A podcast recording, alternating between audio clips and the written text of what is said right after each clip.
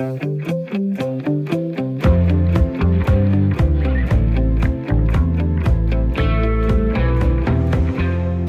har været godt gang i aktiefesten de seneste år. Her i programmet er ordet aktieeufori blevet brugt flere gange. Men starten af 2022 har været knap så festlig. For første gang har nogle af de mange nye investorer, som er kommet til, oplevet en nedtur og set deres opsparing skrumpe ind.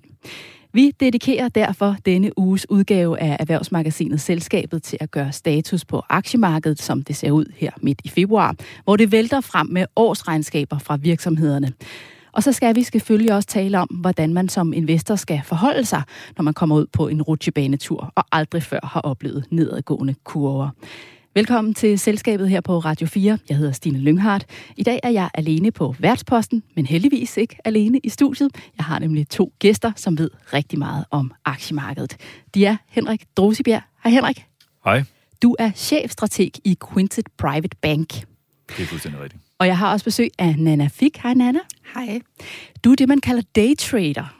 Og det er første gang, du er med i vores program, men det kan jo godt være, at nogle af vores lyttere kan genkende din stemme fra Radio 4's program Overskud. Der har du været gæst flere gange. Velkommen her i tak. selskabet hos os.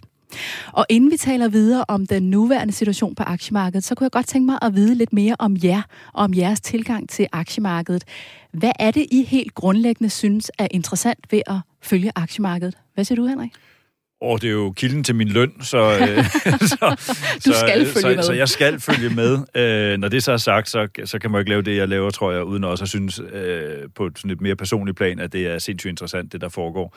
Fordi det jo er et mix fra tid til anden af økonomiske nøgletal, øh, politik, hvad end det er politik ført af regeringer eller centralbanker, og så nogle gange også geopolitik, øh, som det for eksempel er i øjeblikket med, med hele den tilspidsede situation omkring Ukraine og Rusland. Så, så det er sådan... Øh, det varierer utrolig meget, og det handler jo alt sammen om verdensgang i virkeligheden, og det synes jeg er sindssygt spændende. Og det er i virkeligheden sådan nogle store problemstillinger, du, øh, du inddrager her, men det er alt sammen noget, der er med til at påvirke aktiemarkedet. I allerhøjeste grad, fordi det er jo til syvende og, sidst, syvende og sidst siger noget om den økonomi, som vi er en del af, og dermed de forudsætninger, som, som virksomhederne har for at uh, drive deres forretning, skabe noget indtjening, som giver det afkast, vi som uh, aktieinvestorer rigtig gerne vil have fingre i. Hvad med dig, Nana? Hvad er det, du synes er interessant ved aktiemarkedet? Jamen altså, det er jo også der, jeg tjener mine penge, så, som det første, men... Øh jeg laver det, der hedder teknisk analyse, og teknisk analyse er en visuel disciplin, hvor man øh, går ind og i virkeligheden aflæser psykologien hos investorerne i markedet rent øh, visuelt. Så øh, der er rigtig meget øh, statistik, der er rigtig meget struktur, og der er også et øh, stort konkurrenceelement i det, jeg laver, og det passer super godt til min person. Så, så jeg elsker at analysere markedet, og det, er, og det skal man gøre, hvis man skal bruge så meget tid på det. Og du siger det her med at analysere psykologien. Det lyder som en lidt svær størrelse. Hvordan gør man det? Øh, jeg ved ikke, om det er en svær størrelse. Det har nok mere noget med erfaring at gøre, at man rent visuelt kan se, hvad det er for en adfærd, investorerne har. Altså, vi kan have nogle nyheder nogle gange, og det kan være en god nyhed, eller det kan være en dårlig nyhed. Det er egentlig ikke det vigtige, om den er god eller dårlig. Det vigtige, det er, hvordan reagerer investorerne på det. Og det er det, jeg ved at kigge på grafen har gjort mig dygtig til at, at forstå, hvordan reagerer investorerne på det her, og så kan jeg lægge mig slipstrømmen på det og tjene mine penge på det. Kunne du ikke prøve at tage mig igennem en arbejdsdag for dig, Nana? Hvordan, øh, hvordan er det, du følger aktiemarkedet rent praktisk? Øhm, jamen, øh, jeg tjekker det som det første, når jeg vågner så tænder jeg telefonen, slår net til, og så tjekker jeg markederne og mine positioner. Og så øh, har jeg et computer setup stående, og det går jeg ind, og så kigger jeg på, hvad der er sket, hvordan ser det ud, og jeg læser nyheder for at se, er der sket nogle store ting, og så følger jeg det sådan set igennem dagen. Så har jeg nogle tidspunkter på dagen, hvor jeg sidder og handler, og så øh, har jeg nogle bestemte tidspunkter, hvor jeg altid tjekker, fordi der er så gået et vist stykke tid og sådan noget. Og det sidste, jeg gør om aftenen, før jeg går i seng, det er også at tjekke markedet. Og så kan man sige, hvis vi har en stille periode, jamen, så kan jeg lave mange andre ting ved siden af. Og hvis vi har en periode, hvor der virkelig er fart på, så er jeg nødt til at sidde rigtig mange timer ved, ved computeren for ligesom at passe på mine positioner. Og det er sådan, det går fra øh, søndag aften til fredag aften, og så holder jeg fri i weekenden. Og er der nogle dage, hvor du sådan ligesom er ved at få morgenkaffen galt i halsen, fordi så er der sket et eller andet, som du skal reagere på nu? Ja, det kan da godt være. Jeg synes efterhånden, at jeg er så rutineret, så der kan ske ret meget, før at øh, jeg får øh, kaffen galt i halsen. Men, øh, men der er i hvert fald nogle morgener, hvor at jeg ikke fjerner mig fra computeren i et stykke tid. Det er der. Og hvad med dig, Henrik? Hvordan følger du markedet? Øh, ikke så tæt, som, øh, som Nana beskriver her. Det, jo, det gør vi i perioder. Men vi arbejder, tror jeg, fundamentalt på to meget forskellige måder, øh, hvor, hvor dem, vi hjælper, typisk er meget langsigtet i deres strategi. Øh, og det vil sige, at vi forsøger at strikke en strategisk øh, sammensætning af investeringer sammen. Det kan være ejendomme, det kan være alternative investeringer, det kan være selvfølgelig også aktier og obligationer. Og så er det typisk noget, man, man arbejder sådan lidt mere strategisk med, og ikke noget, man ligger og roder ved fra dag til dag, uge til uge, måned til måned, nødvendigvis. Med mindre der kommer større begivenheder, der fundamentalt ændrer ved det billede, vi ligesom har konstrueret det hele ud fra. Så, men det ændrer jo ikke ved, at man skal sidde og følge med hver eneste dag. Øh, men jeg er, ikke helt så, jeg er ikke helt så klistret til skærmen, som jeg tror, det er nødvendigt i den andres arbejde. Dejligt at høre lidt mere om øh, jeres tilgang til aktier. Nu skal vi se nærmere på, hvad der sker på aktiemarkedet i disse dage, og hvad I forventer jer af den kommende tid. Og lad os starte med at tage et kig på nyhedsbilledet. Der kommer jo hele tiden nyheder om aktiemarkedet på de forskellige erhvervsplatforme. Hvad følger du særligt med i i disse dage, Henrik?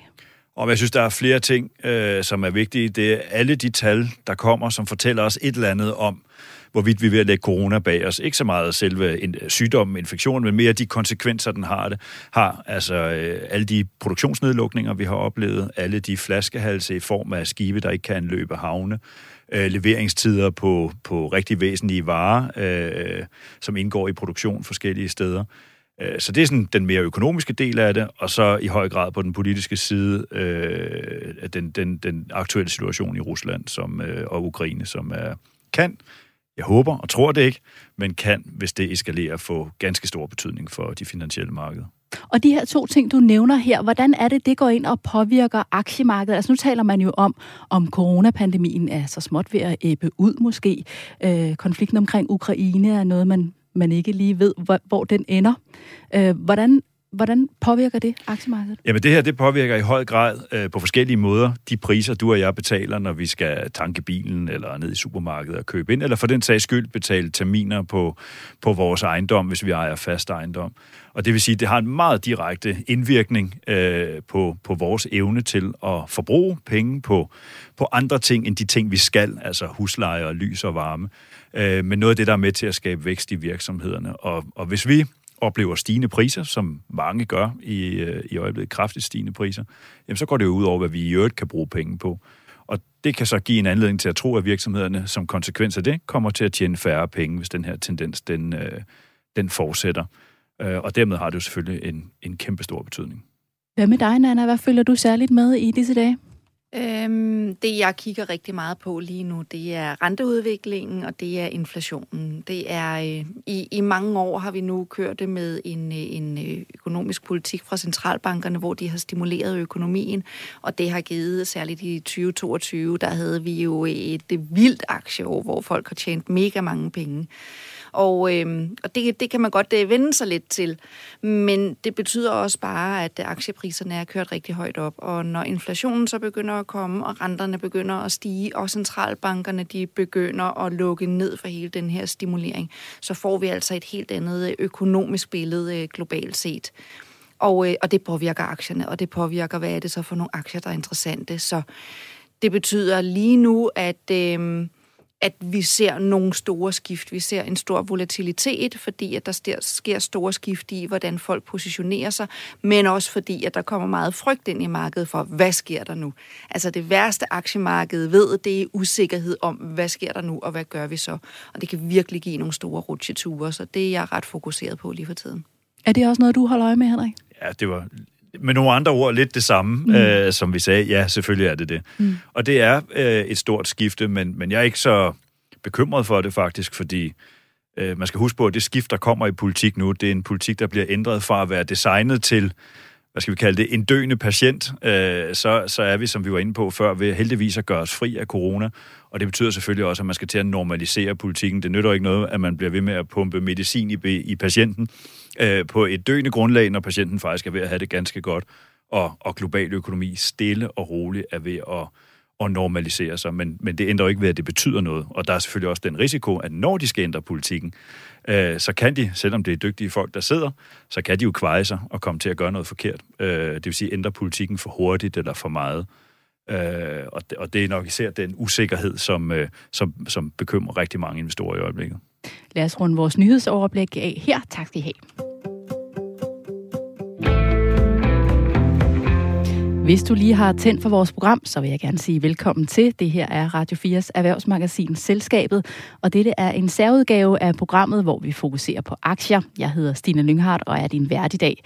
Og jeg har besøg i studiet af Nana Fik, som er daytrader, og Henrik Dosebjerg, som er chefstrateg i Quintet Private Bank. Og nu skal vi have et indblik i, hvordan aktiemarkedet ser ud lige nu her i begyndelsen af 2022. Og vi skal også tale lidt mere om, hvad det er, at øh, erhvervslivet egentlig holder særligt øje med. Og hvis vi skal starte helt op i helikopteren og få et overblik over aktiemarkedet lige nu, så kommer vi jo fra en lang periode, hvor der har været fuld knald på, og mange har fået pæne afkast i 2021. Hvor står vi så lige nu, Henrik? Jamen, jeg synes faktisk, vi står meget godt. Øh, det er rigtigt, at januar måned er åbnet med et, øh, det, man kalder en korrektion, og det er typisk, når aktiemarkedet falder mere end, end 10 procent. Øh, problemet er, at der er lidt en tendens til, at investorerne de, øh, de flokkes lidt. Lemming-effekten, den er stadig øh, øh, ganske voldsom på aktiemarkedet. Man har en tendens til at løbe efter de samme ting. Og noget af det, der især har interesseret, men også givet et afkast, investorerne de senere år, det er de meget store tech-selskaber. Og øh, året åbnede med, at et par stykker af dem kom med regnskaber, der var bestemt ikke dårlige, men måske lå en spids under det, som, som investorerne havde forventet. Og samtidig med, at den amerikanske centralbank har fortalt os, at tiden er inde til at ændre politik, øh, og det vil sige, at de skal til at hæve renterne, og så bliver det dyrere at låne penge. Og der findes en gruppe investorer på, på aktiemarkedet, som er ganske risikovillige. Øh, et eksempel kunne være, at man Øh, ser, at Netflix gavnes af coronapandemien, for eksempel, fordi vi alle sammen kommer hjem og sidder og nørder serier i øh, fuldstændig absurd omfang. Så de har fået enormt mange nye abonnenter under det her. Og den tendens er der nogen, der gerne vil forsøge at ligesom ekstrapolere og gøre endnu større. Så man køber Netflix, men man giver den mange gange, man belåner den rigtig mange gange. Det kan man gøre 1, 2, 3 gange, men man kan også gøre det 50 eller 100 eller 150 gange. Og hvis man så tager hul på januar måned i år og har sådan en position liggende, så øh, sker der et det, at Netflix ikke klarer sig helt så godt, som man havde håbnet, håbet, og to, centralbanken kommer nu og fortæller en, at prisen for det lån, man har lavet den gearing med, den vil sandsynligvis ændre sig inden for meget, meget kort tid. Så er der en gruppe investorer, der bliver nervøse og får travlt med at lukke de her positioner ned. Og jeg tror, det store fald, vi så her i starten af januar, handler rigtig meget om, at en relativt lille gruppe investorer, men, men fordi det er belånt voldsomt med en meget stor volumen bagved, ret hurtigt trækker sig ud af markedet. For når vi måler på pensionskasser og banker og alle de mere sådan langsigtede investorer, så er netto indflået af nye penge i de største investeringsprodukter i verden, det er stadigvæk meget, meget positivt. Så jeg tror, det her det var sådan en, en, en midlertidig tilpasning for nogle af de mest risikovillige investorer. Alle andre kan tage det stille og roligt øh, fordi økonomien den er sådan set i positiv fremgang, øh, og vi er ved at slippe, eller corona er ved at slippe taget i den, så vi får en lidt mere normal gænge her det kommende års tid. Så, så altså, vi har haft det her dyk, men er sådan oppe i, i normale ja, Hvis man måler på globale aktier, så tror jeg, det faldt omkring 12 procent, og vi har vel hentet omkring en tredjedel af det, eller sådan noget, siden det, siden det var værst på, øh, på nuværende tidspunkt. Det tager altid lidt længere tid at kravle tilbage, øh, når, når, øh, når man rammer sådan et hul, som vi har ramt her i starten af januar. Men indtil videre er tendensen i hvert fald, at vi er på vej tilbage. Og du er ikke så nervøs for, om vi begynder at se, se store dyk igen? Nej, det er jeg ikke. Og den primære årsag til det er, øh, coronapandemien har resulteret i altså, den største økonomiske hjælpepakke nogensinde i verdenshistorien. Alene i 2020, der øgede øh, regeringer verden over den offentlige gæld med 24.000 milliarder i ambitionen om at, at holde hånden under økonomien. Og centralbanker verden over har pumpet nogenlunde det samme beløb ud i opkøb af værdipapirer, og dermed hjulpet økonomien yderligere på vej. Øh, så sådan en vitaminindsprøjtning på 50.000 milliarder dollars, den, den virker altså relativt godt. Så jeg er meget komfortabel med, at det opsving, som vi oplever lige nu, hvor vi ja har de højeste vækstrater bag os, men det er klart, når man kommer fra 0 eller fra ingenting til noget, så ser det voldsomt ud. Men nu kigger vi ind i et år, hvor væksten stadig kommer til at vokse mere, end den plejer, sådan i gennemsnit i historien. Og det er positivt for virksomhederne, øh, det er positivt for forbrugerne, det er positivt for øh, investorerne. Nana, hvordan har du oplevet starten på 2022?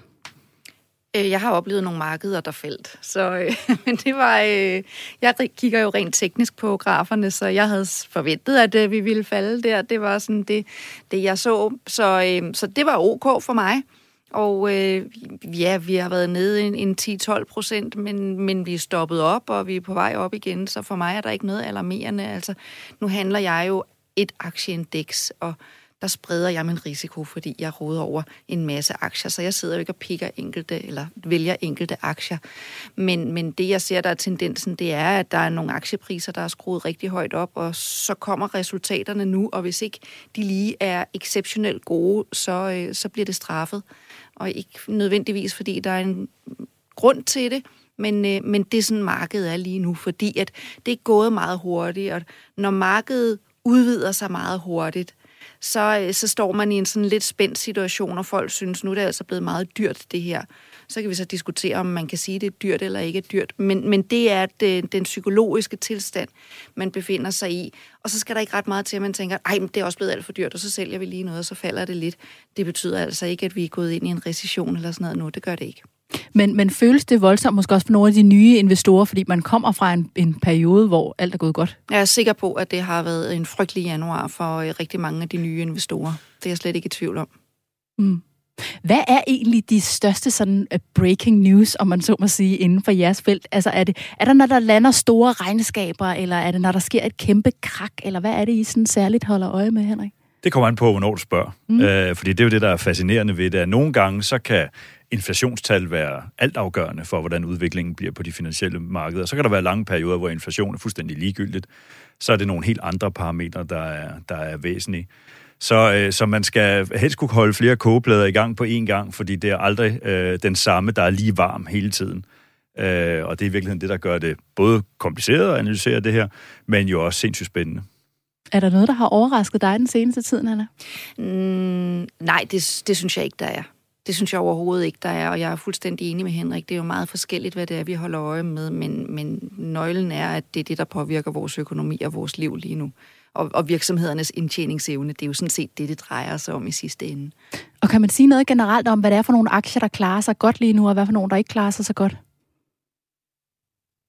Jamen, øh, det har jo været vækstaktier, der har været investeret øh, rigtig meget i, øh, netop øh, som Henrik sagde lige før, og så nu går det højst sandsynligt mere over til sådan, øh, værdiaktier, som er sådan mere solide virksomheder, hvor man føler sig lidt sikre. Ja, folk har synes det var okay at gamble lidt og tage nogle chancer, og jeg tror, at folk godt vil hen i noget nu, hvor de, de er sådan lidt mere sikre, og det er måske ikke lige så vildt, men, øh, men det er mere stabilt. Lige for tiden, der bliver virksomhedernes årsregnskaber jo præsenteret på stribe. Er der nogen, som du har været særlig spændt på at se, Henrik? Nej, altså igen, altid gennemsnittet er det vigtige, ikke? Hvordan, hvordan går det for de fleste? Fordi der vil altid være nogle outlier, der er nogen, der klarer sig fuldstændig fantastisk, og så er der nogen, der falder helt igennem, ikke? Øh, og det vigtige har været her, at jeg tror, det er 70 procent af dem, der har aflagt indtil videre, de har øh, øget deres indtjening med mere end 20 procent for fire kvartal i træk.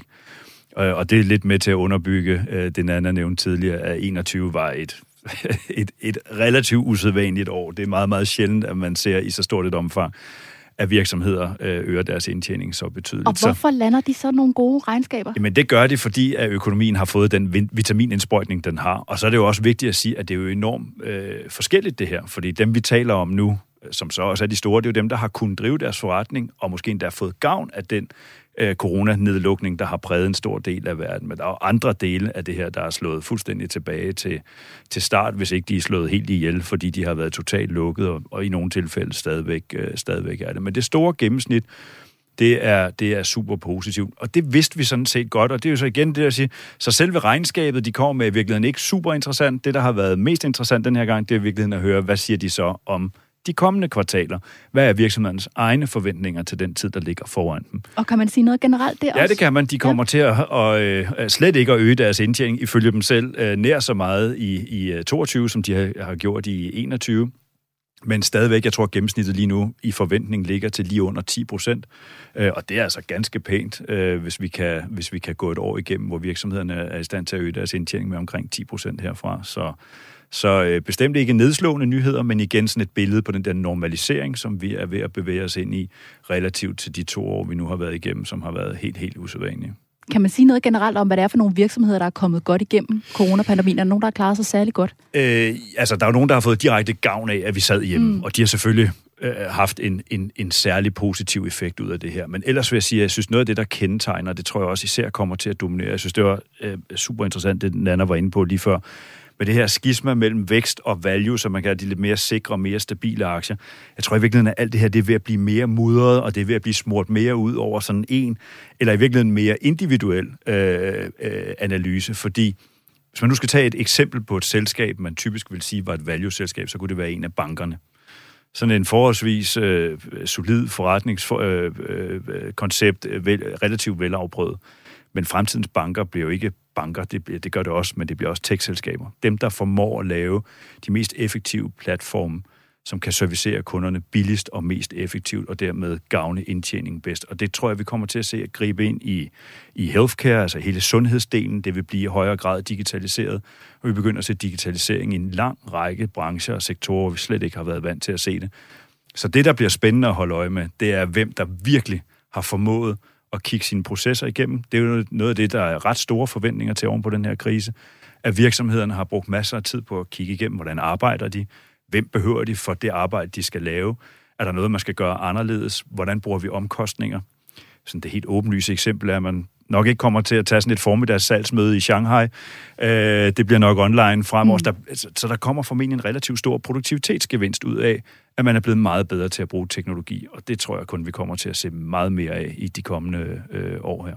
Hvor meget følger virksomhederne egentlig selv med i, hvad der foregår på aktiemarkedet? Øh, det, det siger de altid, de ikke gør. Mm. Øh, men selvfølgelig skæver de til, øh, til udvikling i deres egne aktier, fordi det jo er en temperaturmåling på omverdens tiltro til det, de, øh, til det, de går og foretager sig. Men du kan sige, en virksomhed skal jo helst ikke være drevet af sin aktiekurs på kort sigt. Den skal være drevet af den strategi.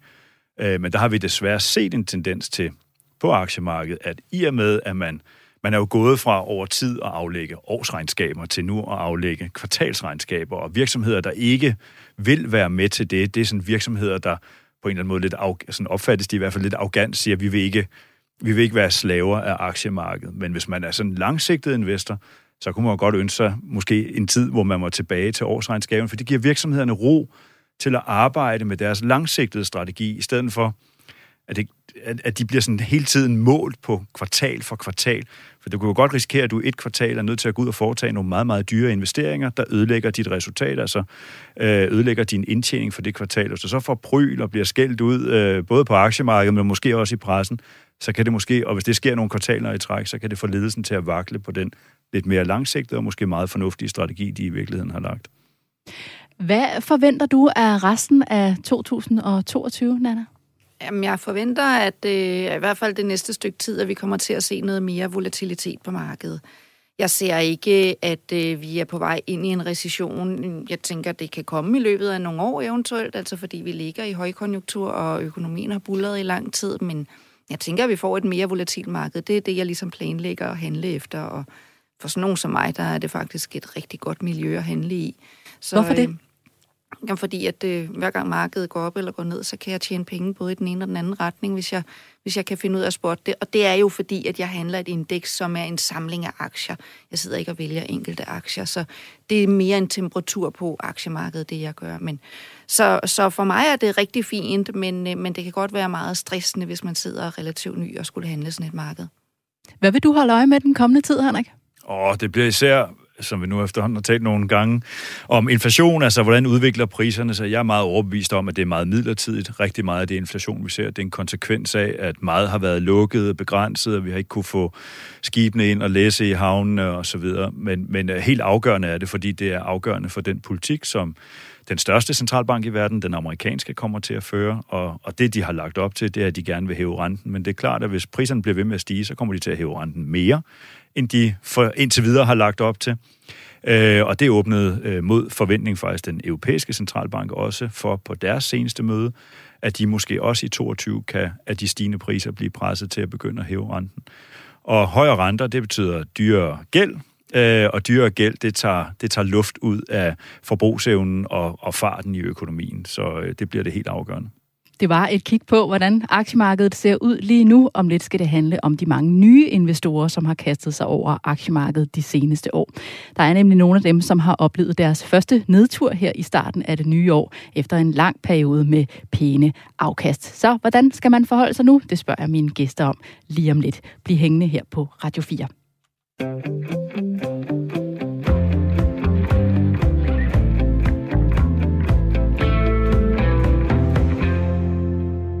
Du lytter til Selskabet. Vi er Radio 4's erhvervsmagasin, som går i dybden med ugens store erhvervsnyheder. Men lige denne uge sender vi en særudgave, hvor vi udelukkende fokuserer på den nuværende situation på aktiemarkedet. Jeg er så heldig at have to gæster her i studiet, som ved rigtig meget om det. De er Nana Fik, som er daytrader, og Henrik Drosebjerg, som er chefstrateg i Quintet Private Bank. Jeg selv hedder Stine Lynghardt. Og her i selskabet har vi hver uge en quiz, og fordi vi fokuserer på aktier i dagens program, så handler quizzen selvfølgelig også om aktier. Nu skal I høre. Aktiekurser går jo som bekendt op og ned. Og nogle gange sker der noget, som får aktiemarkedet til at tage en ordentlig rutsjetur. Men spørgsmålet er, hvornår det danske C25-indeks, som jo altså består af de 25 største aktier på den danske børs, hvornår tog de sit største fald på én enkelt dag. Altså på hvilken dag skete det historisk største fald nogensinde for C25-indekset. Er der nogen af jer, der ved det, eller vil komme med et gæt? Så Jamen, kigger I på hinanden. Forrige fredag. Forrige fredag? Ja, det mener jeg. Det kan, ja, det tror jeg faktisk er rigtigt. Hvad er skete der forrige fredag? Øh, ja, der, der kom et par dårlige regnskaber på nogle af de større selskaber, og så har danske aktier jo, hvis man spoler, jeg tror det er 10 eller 15 år tilbage, så har det været nogle af dem, der har klaret sig allerbedst. Så apropos det anden sagde, nogen, nogen er blevet rigtig dyre. Øh, og når noget er kommet meget højt op, så kan det også komme meget, Meget. meget hurtigt ned, ned igen, hvis øh, nogle af forventningerne bliver skuffet. Jeg kan fortælle jer, at det største fald på en dag var den 12. marts 2020, hvor C25-indekset dykkede, dykkede med 8 procent. Og det var som bekendt dagen efter, at Danmark blev lukket ned som følge af coronakrisen. Og faldet var på niveau med det, der blev set under finanskrisen. Kan I godt huske den dag, da det dykkede? Åh oh, jo, Mm. mm. det kan jeg, og jeg kan også huske dem under finanskrisen. Mm. Det, øh, det er, jo, bestemt. Hvordan var den dag? Øh, jamen, den, det, altså, øh, hvordan skal jeg beskrive det? Det er jo sådan på en måde enormt frustrerende, og så er det jo på en anden måde ud fra en faglig betragtning også helt vanvittigt spændende, når, når der sker kæmpestore skift i, øh, i markedet.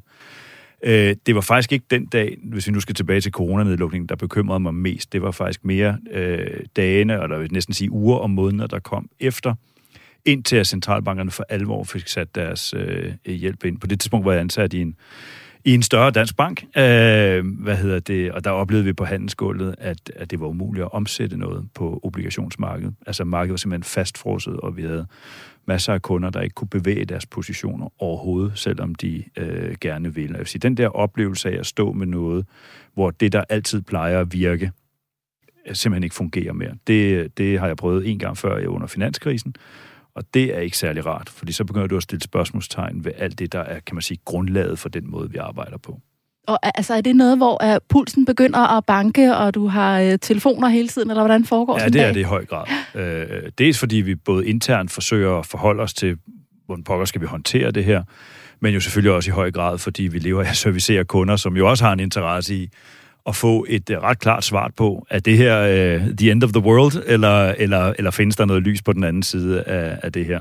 Og når man så står i skift, der er så store, som det vi oplevede både under finanskrisen, og selvfølgelig også ved, ved en total nedlukning af, af, af det, det, altså hovedparten af verden, sådan ret simultant i virkeligheden, jamen så kan man jo ikke sige, at man har stået der før. Øh, så så det, er, det er både en spændende, men også en, en, øh, en svær situation at stå i. Kan du også huske den 12. marts Nej, jeg kan 2020, ikke lige huske dagen. Jeg kan huske perioden. Det var jo en periode på øh, øh, nogle uger, hvor det var virkelig, virkelig hæftigt. Og øh, jeg kan tjene penge i begge retninger, så det var, det var en ret vild tid, og jeg sov ikke rigtig meget i den der tid, fordi at jeg var ligesom nødt til at være. Så det gik heldigvis godt for mig, men jeg har også øvet mig rigtig meget. Men øh, der var også mange, der tabte mange penge, så, så for mig var det bare ligesom en virkelig, virkelig vild rutsjebane, hvor man virkelig lige skulle holde fast, altså for Og hvordan foregår det så for dig? Er du så inde og har alle mulige sider åbne og kurser? Og hv- hvordan, øh, hvordan Hvordan jeg kigger havde... på grafen. Du kigger på grafen? Ja, altså alt det, jeg kan jo bare se på grafen, hvad det er, der foregår, så alt det andet kan være lidt lige meget. Det, det er bare forklaringen på, hvad det er, der foregår. Det vigtige er, de bevægelser, der er, så, øh, og de var rigtig store. En historisk dag, den 12. marts 2020. Dette var denne uges quiz. Desværre ikke med nogen vinder, men bedre held næste gang.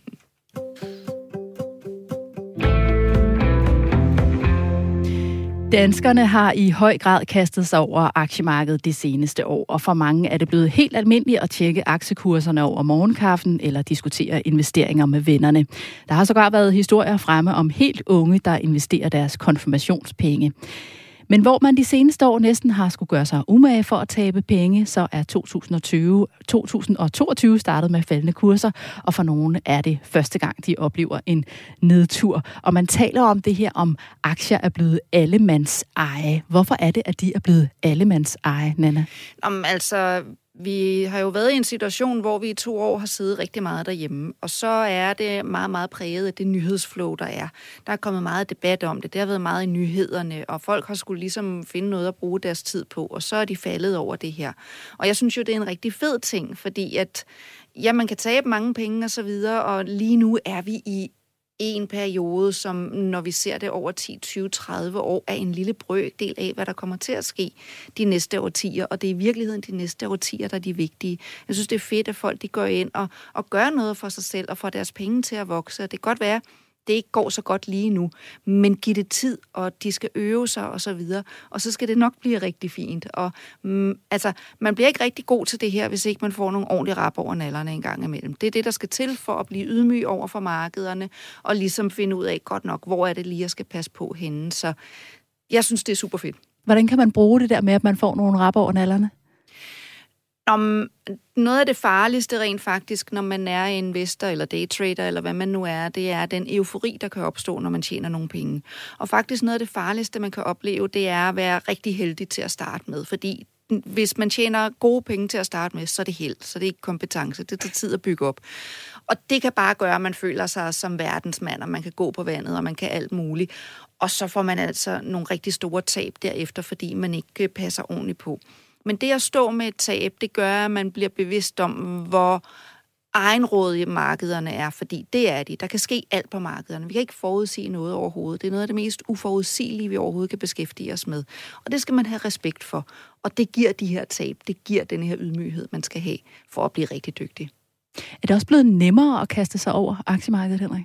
Det er det i allerhøjeste grad. Øh, jeg kunne godt tænke mig bare lige at tilføje til, til det, Nana sagde her, at øh, det har selvfølgelig hjulpet gevaldigt, at vi har siddet hjemme i to år. Der er nogen, der har skulle bruge tiden på noget, og har heldigvis kastet sig over det her. Men jeg synes også, det er fair at at give lidt credit til, øh, til alle de, der har taget initiativer for at skabe en aktie, eller forsøge at skabe en aktiekultur i Danmark. Der er en række unge kvinder herhjemme, der har skabt øh, ret store øh, investornetværk. Dels både kun for kvinder, øh, men også i det hele taget for, for nybegyndere, især for, for unge. Dansk Aktionærforening gør et kæmpe stykke arbejde for at uddanne og, og forsøge at informere om det her. Københavns Fondsbørs har i samarbejde med de øvrige øh, nordiske børser gjort et kæmpe arbejde for at at gøre det mere synligt, mere interessant. Og så er der selvfølgelig kommet nogle firmaer, som, som du spørger til her, der også har gjort, at det at handle aktier i dag ikke er det samme som, at man skal tage telefonen og ringe ned og få fat i en bankrådgiver, og så kan man få dem til at handle. Man kan faktisk sidde derhjemme på online-platform og handle øh, meget, meget simpelt og meget, meget billigt selv. Øh, og det er langt overvejende positivt, øh, men åbner jo selvfølgelig også for, at nogen uden øh, sønderlige forudsætninger kan øh, komme rigtig, rigtig galt afsted med deres, øh, med deres penge. Øh, og det har vi desværre også set eksempler på. Men sådan helt grundlæggende, så er det her et resultat af efterhånden mange års arbejde, hvor rigtig mange har prøvet at skubbe til en, en, øh, en forhøjet aktiekultur i Danmark, for vi har faktisk haltet langt efter vores øh, vi ellers ynder, øh, svenskerne, og, og tæve i så meget som muligt.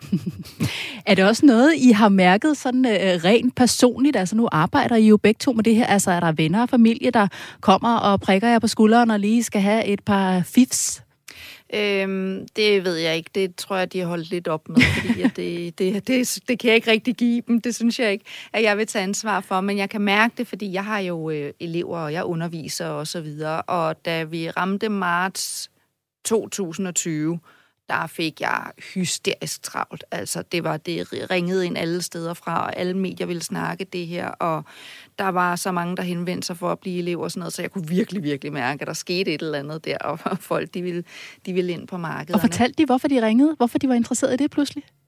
de fortalte ikke, hvorfor de pludselig... Jeg kunne bare se, at der var bare mange flere, der var interesseret i det, end der tidligere havde været. Så, øh, og det var, det var korreleret til corona 100 procent. Men, du... men, ja, men det er også rigtigt. Altså, der er nemlig dem, der har arbejdet rigtig meget på at få det her udbredt og få danskerne til at få øjnene op for det, for det har vi faktisk ikke haft i tilstrækkelig grad tidligere. Og så har det bare taget fart her under øh, corona, hvor alle har siddet derhjemme. Har du oplevet, at venner og familie kommer og lige skal have et par tips, Henrik? Øh, det oplevede jeg meget tidligt i min karriere, ja. øh, hvilket også øh, gjorde, at, øh, at det jeg holdt helt op med, eller det holdt jeg meget hurtigt op med. Hvorfor det? Jo, men det er, øh, hvis man så får givet et råd, der ikke nødvendigvis går, som, øh, som man havde håbet, så, så kan det faktisk være farligt for et venskab. Så jeg tror, man skal holde det her meget professionelt, og man skal passe på med, hvem og hvor og hvornår man kloger sig.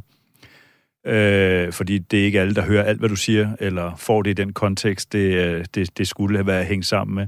Fordi som Nana har nævnt flere gange, og det kan jeg kun tilslutte mig, det er ikke noget, man bare sidder og leger med. Det er en disciplin, øh, som kræver, at man har nogle meget klare øh, mål, strategier og og, og forudsætninger for at kaste sig ud i det. Og, øh, og selvom jeg gerne vil have, at folk øh, prøver, øh, så vil jeg sige, at hvis de bare gør det, så skal de gøre det for penge, de i den grad kan undvære. Ellers så skal de lade være at lege med det. Så skal de søge noget hjælp.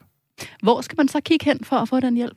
Jamen, det kan man jo få masser af steder. Man kan få det i sin bank, men der er som sagt også kommet masser af de her netværk øh, rundt omkring, øh, hvor man kan søge støtte, men det er som så meget andet, øh, når der opstår øh, netværk, så, så findes der rigtig gode steder, hvor man kan få masser af hjælp, men der findes også nogle steder, hvor, hvor, øh, hvor man burde lugte, fordi der, der foregår en masse ting, der ikke burde foregå med alle mulige, der kloger sig om alt muligt, de ikke ved noget som helst om. Så man skal være forsigtig og se sig godt for. Og hvordan skældner man mellem, hvad der kan være godt at bruge og ikke så godt? Ja, det, øh, det, det er jo det, der kan være svært, ikke? fordi det kan se fint ud, men der kan sidde nogle mennesker med en anden dagsorden, end, end det, de måske tilkendegiver.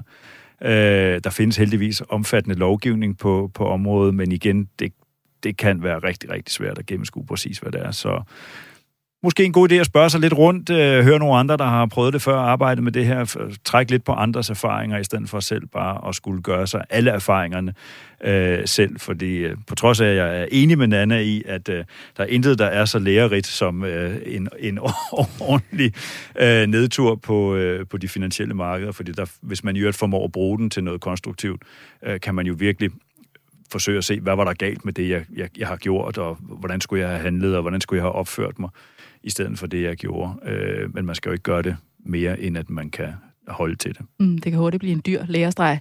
Øh, ja.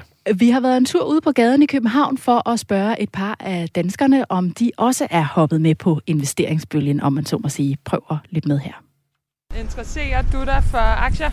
Overhovedet ikke. Det styrer min bank. Nej, øh, jeg er ikke så meget inde i aktier. Det er ikke noget, der har interesseret mig. Jeg ved ikke en mikrometer om noget af det. interesserer mig ikke. Ja, det gør jeg. er meget inden for forex trading. Det er trading inden for valuta. Nej, nej, nej, nej, nej. Det gør jeg ikke. Jeg er meget, meget gammeldags. Jeg kunne godt tænke mig bare at vide, hvis der sker noget, så skal jeg have så så meget. Nej, det gør jeg faktisk ikke. Men øh, jeg køber guld. Jeg bruger det som en opsparing. Nu er jeg også guldsmed, skal det sige. Jeg har en aktiekonto. Har du investeret? Ja. Og hvor gammel er du? Jeg er 13. Hvordan fandt du ud af, at du ville investere i det? Jeg kender en, øh, en ven, som har prøvet det før, og det er gået rigtig godt for ham. Og han lever af det så dagligt nu. Hvad der, hvad, hvad der er trender på markedet? Jeg vil ikke investere i, i olie lige nu. Jeg har investeret i for eksempel vindmølleenergi. Jeg tror, der er en fremtid i det. Jeg har investeret i noget, der hedder Nordnet. Der var en kollega, der også gjorde det. Så han på det. Jeg kan godt lide at spare op. Men ved du hvad, det er lidt sjovt. Jeg var inde og kigge i morges. Er du sindssyg, at de styrtdykket? Hvorfor interesserer det dig? På grund af, at jeg ikke gider have øh, min pengenes værdi øh, af inflationen i, øh, på min normale bankkonto. Kunne du forestille dig, at du på sigt øh, fik lyst til at investere i nogle aktier nu, når antallet af investorer stiger? Nej. Nej, faktisk ikke. Investerer din bank for dig? Ja, ja. Okay. Hvad holder dig tilbage til selv at, at gøre det? Ja, fordi jeg har ikke forstand på det, og jeg gider ikke sætte mig ind i det. Guldet er bedre. Guldet er bedre. det er lidt mere håndgribeligt. ja, det er det. Okay. Også fordi, hvor fanden, øh, hvad, hvor skulle jeg gøre det? Så skal jeg beholde mit guld eller sælge det snart? Det kommer an på, hvad du tager for det. Jeg tænker, du beholder det. Ja, okay. Ja, altså her var vi jo ved at få afsat noget guld til, til en, der sætter sine penge i guld. Hvad siger I til det her? Altså, der er jo flere, der er blevet inspireret af andre i deres omgangskreds, kan man høre, og, og har set det gå godt. Vi hører sågar om en 13-årig, som har investeret. Er de her et øh, typisk billede på nogle af de nye investorer, vi ser, Nana? Ja, altså, jeg synes jo, øh, eller min oplevelse er, at der er to grupper, der er nye. Der er de unge, og øh, der er især rigtig mange unge fyre, der øh, kommer til mine kurser og kommer elever. Og så er der dem, der har levet et arbejdsliv, og nu vil de sådan set godt øh, gøre noget, så de kan tjene nogle penge resten af tiden, og måske ikke behøver at arbejde lige så meget mere, eller vil have noget, når de er gået på pension. Og det er faktisk majoriteten af dem, jeg indtil nu har set. Hvad siger du, Henrik? Og det var sådan et, øh, det var sådan et rigtig fint øh, øh, udsnit af den danske befolkning, der Mhm. viser, at der er, er berettigelse til, til stort set alt, hvad vi øh, har talt om i den her øh, udsendelse. Der er dem, som øh, lever et væsentligt lykkeligere liv, hvis de slipper for at have noget som helst med det her at gøre, øh, og at, at trygge ved, at enten deres pensionsselskab eller deres bank tager sig, øh, tager sig af det fuldstændig for dem. Øh, og så er der heldigvis også, og det var der, synes jeg, uden at, at jeg gik videnskabeligt til værks så er der et tilt mod, at flere og flere unge øh, selv har lyst til at, øh, at have fingrene lidt mere nede i dejen. Øh, og jeg, en af grundene til, at man godt kunne ønske, at vi, vi er faktisk et af de lande, der er allermest disciplineret med vores pensionsopsparing. Vi har en lovgivning, der gør, at langt de fleste af os har en, øh, en ret omfattende pensionsopsparing, og pensionsselskaberne er også blevet mere fleksible, eller mange af dem er i hvert fald, så der kan man faktisk også i nogen udstrækning ligge og handle selv, øh, og gøre en hel del selv, og, og måske øh, lære lidt, øh, uden at, at ødelægge den, øh, den daglige økonomi. Så øh, ja, jeg synes, der var noget for alle. Og som jeg også peger på, så er der jo også en masse danskere, som ikke interesserer sig for det her, og, og ikke har tænkt sig at kaste over aktiemarkedet. Og, og jeg hører typisk det her med, at man siger, at det er sådan lidt svært. Er, er det også det, du hører, Nana, det her med, at, at hvor skal man egentlig lige starte, at det virker for svært? Ja, og jeg vil sige, at det er særligt på kvindesiden, og det er jo der, det er ret fedt, vi virkelig har fået et boost til alle kvinderne. Det, jeg har hørt mange sige, det er sådan, at jeg har jo ikke forstand på økonomi, og jeg kender jo ikke til tal og sådan noget, og det er simpelthen en skrøne. Du behøver hverken at have forstand på økonomi eller på tal. Det er i virkeligheden slet ikke det, det drejer sig om. Jeg er jo meget fokuseret på psykologien og adfærdspsykologien, så, øhm, men, men det er der mange, der ligesom underkender lidt sig selv og deres egne kompetencer, synes jeg. Mm. Men er det også det med, at det er måske ikke så svært med at komme i gang, men det er i virkeligheden måske mere svært, hvordan man så udvikler det på, på aktiemarkedet, er det ikke rigtigt? Jo, jo, det er det, og jeg tror, der er nogen, der sidder og forestiller sig, at det er én ting, øh, og sådan meget finans og jakkesæt og avis under armen og sådan noget, men, men netop fordi vi kan sidde med det derhjemme, så drejer det sig faktisk meget mere om, øh, også for mange, hvad er det, vi godt vil have, hvordan er det, vi godt vil have, vores verden skal se ud. Der er nogen derinde, der har en profil, hvor de er fokuseret på øh, miljø, øh, på grøn omstilling og så videre, så på den måde kan man jo ved at gå ind i aktiemarkedet og investere, være rigtig meget med til at sætte sit præg på, hvordan øh, fremtiden ser ud til vores børn. Jeg har, jeg, vil bare, jeg har lavet det her i 25 år, og jeg vil sige, det, det jeg er mest chokeret over, det er, hvor lang øh, sund fornuft det rent faktisk rækker. Altså uden at det behøver at være specielt øh, finanstungt. Altså så jeg vil sige, hvis man bruger sin almindelige sunde fornuft og kigger lidt på, hvor verden udvikler sig, nu nævnte du miljøet, grøn omstilling, alt det her, så er det jo ret tydeligt for de fleste, når de slår avisen op eller tænder for nyhederne, at der er et enormt politisk fokus på det her. Og sådan kan man gøre sådan nogle sådan helt almindelige antagelser, uden at det behøver at være sådan et, et cirkus i, i analyse af økonomiske nøgletal og alt muligt andet. Så det er absolut muligt, og så skal man lade være at satse for ensidigt, gå lidt bredt til værks. Nu har Nana sagt det nogle gange, hun sidder daytrader eller trader ofte på et indeks, men man kan også bare købe et indeks langsigtet, så har man en god spredning, og man får en del af, af, af aktiemarkedet, eller del af det afkast, aktiemarkedet giver. Så det kan absolut lade sig gøre, uden at det behøver at være sådan et højt videnskabeligt niveau. Hvordan kom du egentlig selv i gang, Nana? Øhm, det var øh, en eller anden, det var faktisk min søn, der sendte mig en mail, hvor der var et link til noget, og øh, det var til ja, daytrading og teknisk analyse, og jeg var bare hugt fra starten. Hvad med dig, Henrik? Øh, Investerer du også dine dyrt opsparede øh, lønpenge i... Øh, Ja, det gør jeg. Det Ja. gør jeg. Øh, jeg er så øh, lidt hæmmet af, at øh, jeg er ansat i øh, den stilling, jeg er ansat i, og det gør, at der er en hel masse restriktioner og en masse godkendelser og en masse registrering, jeg skal gøre, hvis jeg vil ligge og handle øh, meget ofte. Så jeg har sådan en, hvad skal vi kalde det, anlægsportefølje af nogle ETF'er, det vil sige nogle spejl af nogle aktieindeks, øh, som ligger meget bredt globalt, men har så også forsøgt at koble nogle temaer på, for eksempel på øh, energiomstilling og på øh, hele digitaliseringen af mange brancher osv. Så, videre. så det er sådan, det er noget, der passer meget sig selv, og så foretager jeg nogle, nogle meget sjældne justeringer. Hvordan skal man egentlig forholde sig, hvis man er forholdsvis ny investor, og man så oplever sådan for første gang, at nu er der øh, begynder det at gå nedad, eller det tager de her rutsjeture. Hvordan skal man forholde sig til det, Nana? Jeg synes, at øh, et af de bedste råd, jeg kan give til folk, det er, at I betaler nogle penge med de tab, I tager på det her. Få så meget ud af det. Altså se det som læring, I betaler for noget læring. Og så er det her noget, der tager tid. Øh, det er utrolig nemt at åbne en konto et eller andet sted, og man kan gå ind og investere alle sine penge.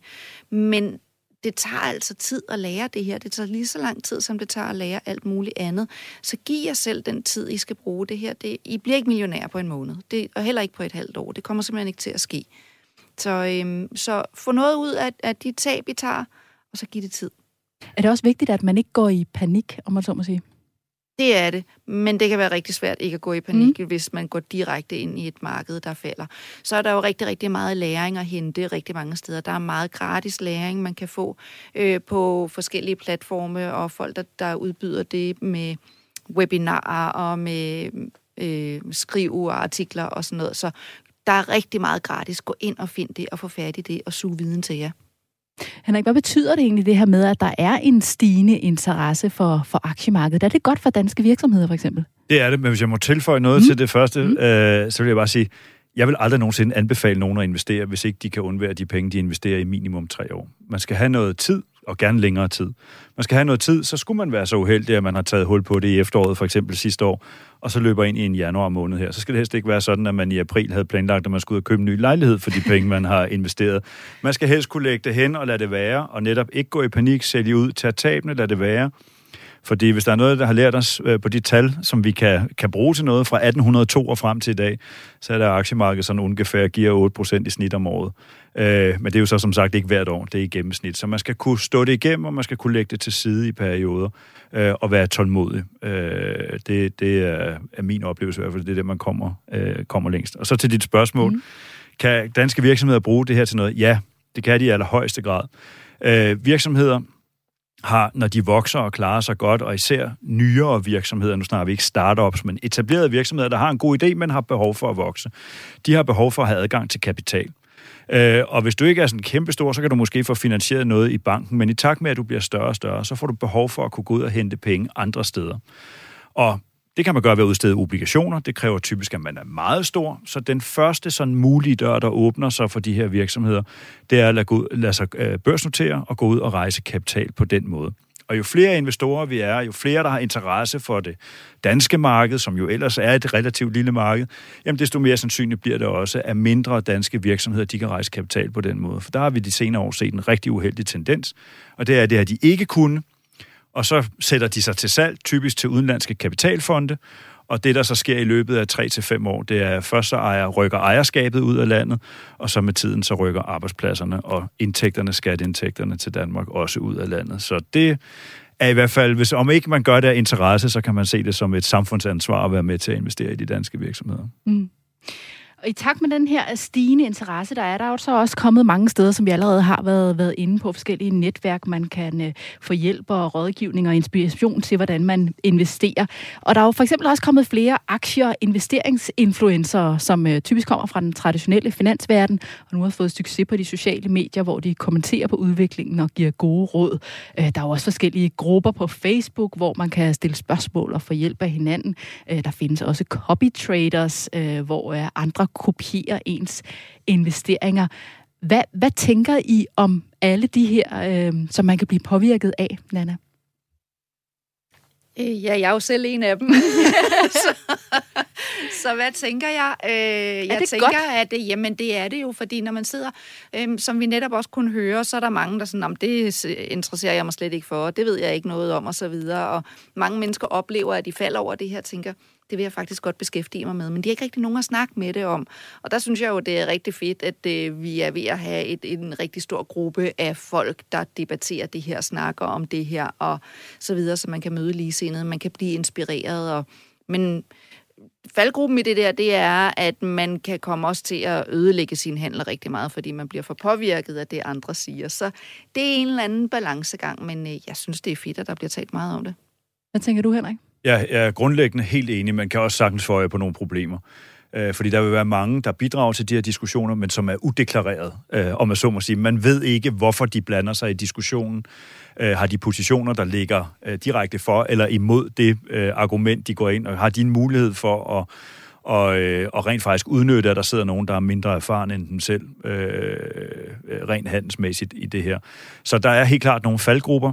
Øh, når jeg siger udeklareret, så kan det også være, fordi jeg har stor respekt for det, Nana gør, det er slet ikke det. Men der kan være nogen, der læser ind og siger, åh, oh, det kunne jeg godt tænke mig at, at være det samme som. De har bare glemt, at Nana bruger i perioder 20 timer af døgnets øh, øh, mulige timer på det, hun gør, har samlet masser af erfaring, så man kan ikke bare gå ud og kopiere det. Og der kan jeg godt være lidt bekymret for, at nogen, ikke lige præcis på Nana, men kan lade sig inspirere af nogen, de faktisk ikke evner at lade sig inspirere af, fordi de har simpelthen ikke øh, forudsætningerne for at gøre det. Vi skal til at runde af, men jeg synes, jeg hørte, at øh, I også siger her, at nu er det med at have is i maven her den kommende tid. Hvis du går og overvejer at gå i gang med investering, så kan jeg varmt anbefale dig at gå ind og høre nogle af de podcasts, som mine kolleger på programmet Overskud har lavet. Du kan finde dem på Radio 4's hjemmeside, eller hvor du ellers plejer at finde dine podcasts. Det var denne uges udgave af Selskabet, som var en særudgave om aktiemarkedet. Tak til vores gæster, Nana Fik, der er daytrader, og Henrik Dosebjerg, som er chefstrateg i Quintet Private Bank. En fornøjelse at have jer her i studiet. Programmet var produceret af Beam Audio Agency for Radio 4. Tak fordi du lyttede med. Vi høres i ved, ved igen næste onsdag.